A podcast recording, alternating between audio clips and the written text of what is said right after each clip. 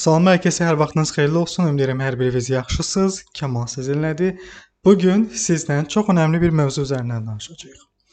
Ümumiyyətlə satışda çox e, belə anormal bir mif var ki, satış adamı belə e, qəşəng danışmağı bacarmalıdır, satış adamı dilli, dilavər olmalıdır və hansı ki bu inanc bizi sövq edir ki, biz müştəri ilə danışarkən satış prosesinin 70-75% ehtimalında və da 70-75% ağırlığında bütün proses boyu ən çox biz danışaq.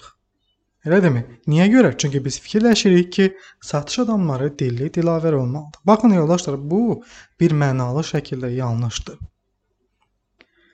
satış adamını qoyuram bir kənara. Danışmaq, dilli dilavər olmaq sənin üçün o, o vaxt önəmli olardı ki, sən jurnalist olasan. Sən nə jurnalist deyilsən, nə də müştəri televizor açıb xəbərlərə qulaq asmır. Ki, yəni bu satış adamın knopkasını vurum, düyməsini vurum. Hə, başda danış görüm sənin nəyin var, nəyin yox. Bu o deyil. Bu o deyil bir mənalı şəkildə. Mən yenə də bunu deyəcəm, çünki hər dəfə bunu deməli oluram və fikirləşirəm ki, hər dəfə də deyəcəm. Demə məcburiyyətini öz üzərimdə hiss edirəm daha doğrusu. Bizim inanclarımız bizi hərəkətə keçirir. Yəni siz fikirləşsəz ki, satış adamı çox gözəl danışmaq bacarmalıdır və yaxud da satış adamı yəni dır-dır danışmaq bacarmalıdır. Dayanmadan bu yanlış inancdır. Bu sizə sövq eləyəcək ki, bütün satış danışığı və ya da görüşləri zamanı ən çox siz danışasınız. Olmaz. Satış adamının eləməli olduğu, yəni 3 ən önəmli şey nədir?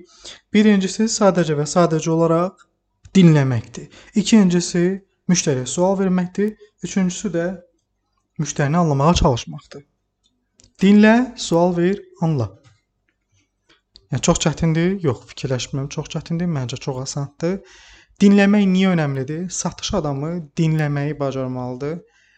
Çünki bizlər, siz və mən və bizim hamımız satış sahəsində olan insanlar həkim rolunu oynayırıq. Biz qabağımızdakı insanın bir biznesində problem var, o adam satışını qaldırmaq istəyir, o adam nə isə eləmək istəyir ki, sizdən məhsul almaq istəyir, elədirmi?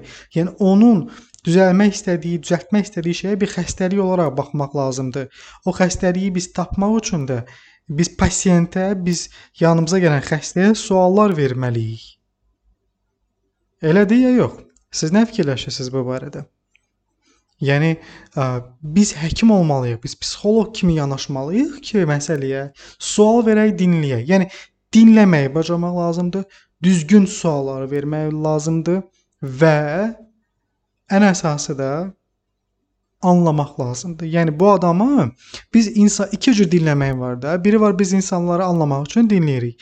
Bir də var e, insanları dinləyirik dinləmə xatirinə ki, növbəti cavabımıza keçək və yaxud da növbəti sualımıza keçək. Yəni o elə bir ki, e, xətt qoyduq ki, okey, bu elə bir bizim bir görməli olduğumuz işlərin siyahısı var e, anket doldurulmuş kimi keçirik o biri suala. Bir tık buna qoyduq, bir tık buna qoyduq. Yox, burada artıq çox sünilik yaranır.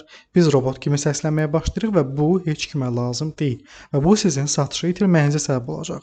Ona görə də bir mənalı şəkildə biz insanlara düzgün suallar verib dinləməyi bacarmalıyıq və anlamalıyıq. Çünki müştəri dinlənilməyi, ona sual verilməsini və anlaşılmağı sevir. Yəni yalandan deməyək ki, hə, hə, ay super, əla, super. Sonra biri suala. Yox. Hə, yəni bu çox sünidir, belə şey eləmək olmaz. Ümumiyyətlə çalışmaq lazımdır ki, yəni yerinə uyğun sözdən söz çıxartmağı bacarmaq lazımdır. Yəni dəqiqləşdirmək. Məsəl üçün müştəri deyəndə ki, mənim biznesimdə, yəni uzun müddət ki, bu problemi yaşayıram deyəndə deməyək ki, "A, hə mən sizi anladım. Bəs e, necə həll etməyi fikirləşirsiniz?" Yox. Deyəcəm ki, hə uzun müddət deyəndə, yəni nə zamandandır bu problemlə qarşılaşmısınız və ya da nə zamandandır ki, bu problemi yaşayırsınız və nə əcəb bu müddət ərzində bunu həll etməyə çalışmamısınız? Sözdən söz çıxartmaq çox əhəmiylidir. Bunu elədiyim təqdirdə müştəri görəcək ki, mən ona hər sözünə diqqətlə yanaşıram və elə sözlərinə diqqətlə yanaşıram ki, bu sözlər axırda məni satçı bağlama aparıb çıxardacaq. Məntiqi və strateji olaraq. Elədirmi? Və son olaraq bir şey deyəcəm sizə. Müştəriyə zəng eləyəndə bu sualı verməyə bacarın. Ümumiyyətlə deməyin ki, nə maraqlandırır sizi və ya da hər hansı bir sualınız varmı? Bunu deyin sadəcə olaraq. Kamal bəy, çox sağ olun qeydiyyatınız üçün. Minnətdaram sizə. Necə kömək edə bilərəm? Necə kömək edə bilərəm sizə bu gün? Bu zəngdə. Bu çox gözəl bir sualdır. Yəni heç vaxt deməyin ki, çox sağ olun, diqqət göstərdiyiniz üçün zəng eləmişəm, bəs filan postla bağlı diqqətin nə bilim ə, yazmışdınız, ə, üstəgəl qoymuşdunuz, bununla bağlı məlumat vermək istəyirdim. Sizə zamanınız varmı? Yox, Kamal bəy. Bizim postumuza diqqət ayırmısınız, ə, üstəgəl qoymusunuz, minnətdaram sizə. Necə kömək edə bilərəm? Qoy danışsın. Qoy danışsın, sual versin. Çünki o sizə sual verəndə həm də yalnız özünə sizə vermiş olmur, həm də özünə də sual vermiş olur. Özü də sualını eşitmiş olur. Eyni zamanda cavab da verəndə həm sizə cavab verir, həm də özünə cavab verir. Şüuraltı olaraq onu da eşidir. Bu çox incə, çox kiçik və sadə görünən bir şeydir, amma inan mənə ki, çox güclü və satıcı təsir edə biləcək bir sualdır. Çox sağ olun səbirlə məni dinlədiniz. Ümid edirəm sizi yormadım. Faydalı oldusa Instagramda bir dənə mənə yazın ki, Kamal, dinlədim, yaxşı idi. Özünüzü qoruyun və gününüz uğurlu keçsin inşallah.